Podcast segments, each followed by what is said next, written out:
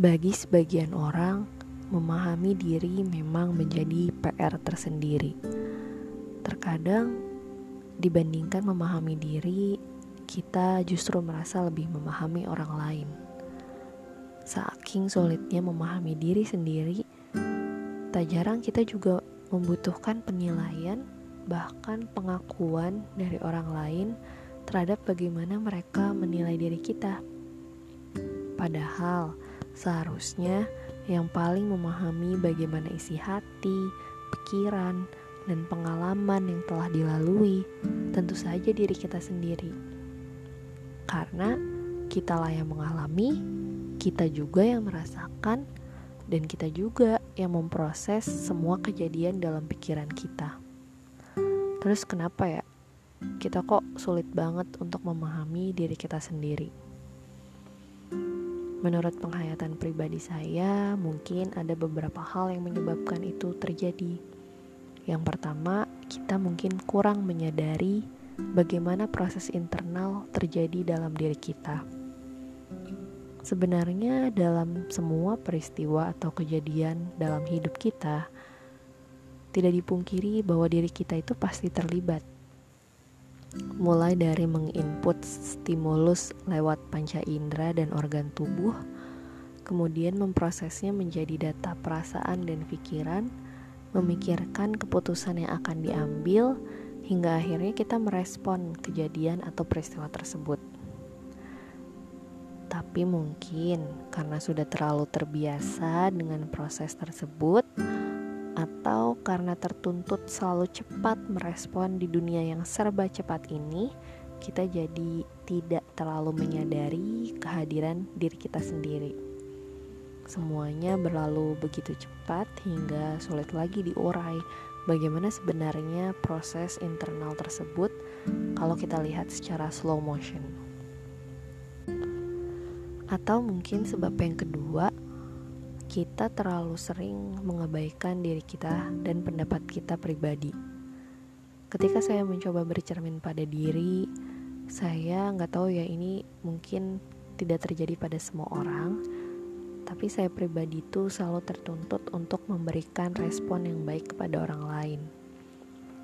Saya menilai diri saya berhasil menjadi orang yang baik jika saya mendapatkan respon positif dari orang lain seperti ucapan terima kasih, pujian, ekspresi kebahagiaan, dan lain-lain.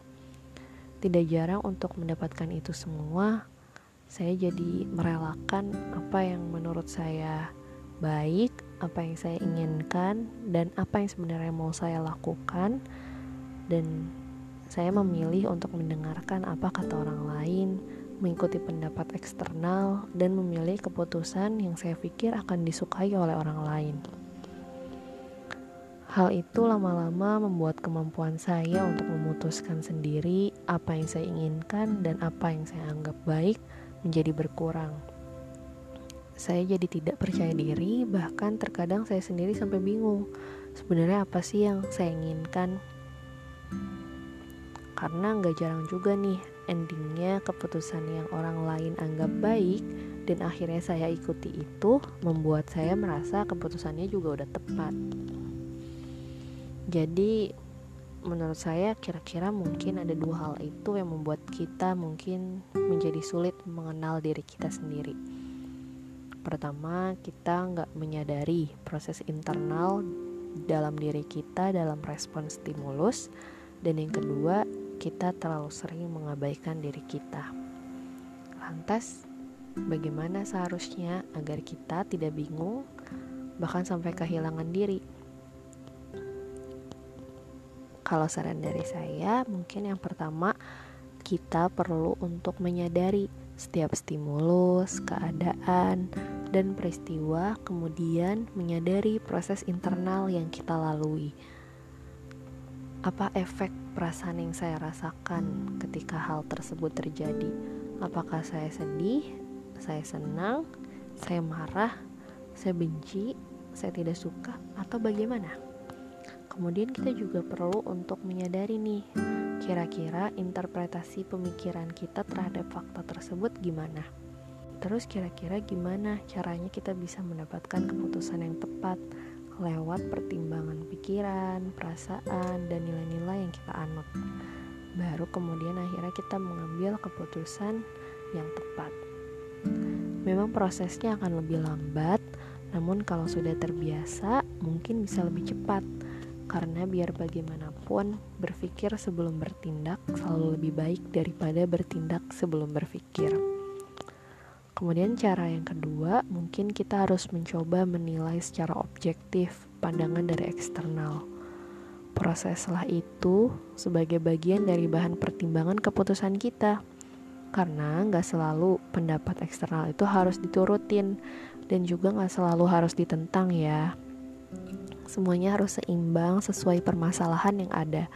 Jikapun keputusan yang nantinya diambil tidak sesuai dengan keinginan eksternal dan menyebabkan hubungan kita jadi tidak baik, seharusnya itu tidak masalah.